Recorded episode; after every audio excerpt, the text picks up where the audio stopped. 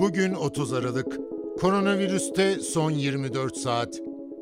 Türkiye'de dün akşamki güncellemeye göre bir günde 183.117 COVID-19 testi yapıldı. 15.805 kişinin testi pozitif çıktı. 253 kişi yaşamını yitirdi. Ağır hasta sayısı 4191. Sağlık Bakanı Fahrettin Koca Twitter hesabından günlük verilere ilişkin yaptığı paylaşımda aktif vaka sayısının düştüğünü, kısıtlamaların sonuç verdiğini belirtti. Çin'den sipariş edilen COVID-19 aşısının ilk partisini taşıyan uçak Türkiye'ye ulaştı. Bu sabah Ankara Esenboğa Havalimanı'na inen uçağın yükü depolara taşındı. Sosyal medya hesabından açıklama yapan Sağlık Bakanı Fahrettin Koca, 14 gün sürecek testler hemen Türkiye İlaç ve Tıbbi Cihaz Kurumumuzda başlayacak. Testleri biter bitmezse aşılama programımız Halk Sağlığı Genel Müdürlüğü koordinasyonunda gerçekleşecek ifadelerini kullandı. Salgının yol açtığı hasarlar çok boyutlu can kaybı, ekonomik faaliyetlerin durdurulması, hastanelerdeki fedakarlıklar, sağlık alanındaki bir hasar pek sık zikredilmedi. Organ bağış ve nakilleri.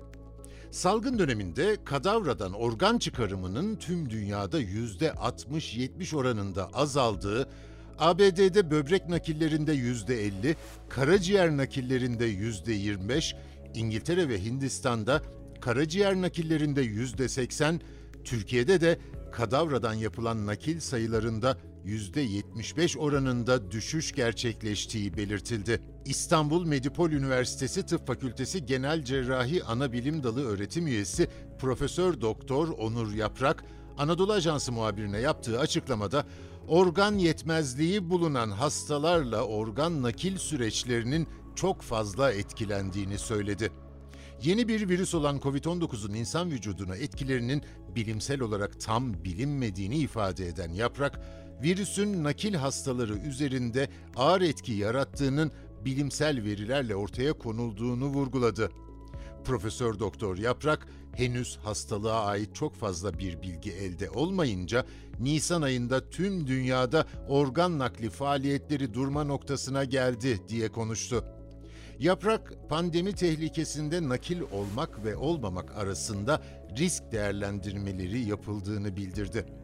Böbrek hastalarının diğer organ yetmezliği bulunan hastalara göre diyalizle devam etme şansı bulunduğunu, bu grup hastalarda canlı vericiden yapılan nakillerin durdurulması, kadavradan nakillerin ise sadece diyaliz için damar yolu kalmamış ya da sunulan organa tam uyum sağlayacak hastalarda yapılmasının önerildiğini dile getiren Yaprak sözlerine şöyle devam etti. Karaciğer naklinde de bazı acil hastalar tanımlandı.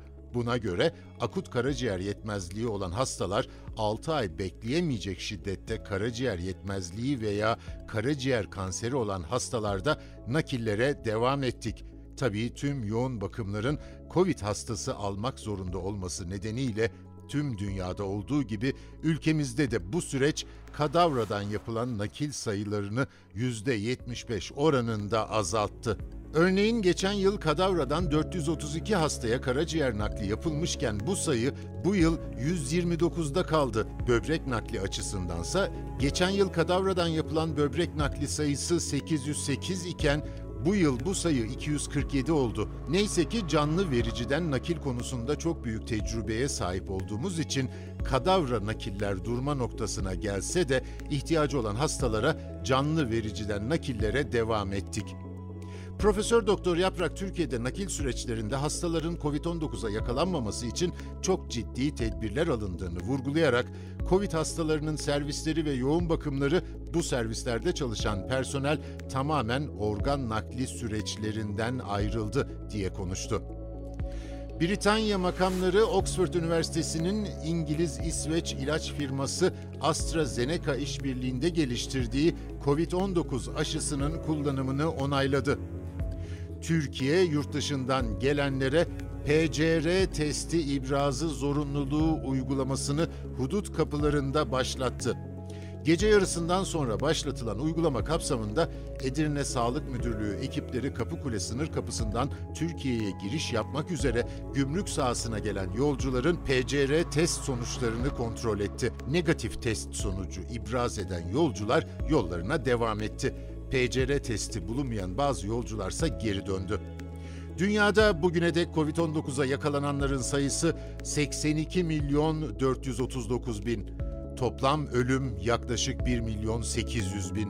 Bugünlük bu kadar. Hoşçakalın.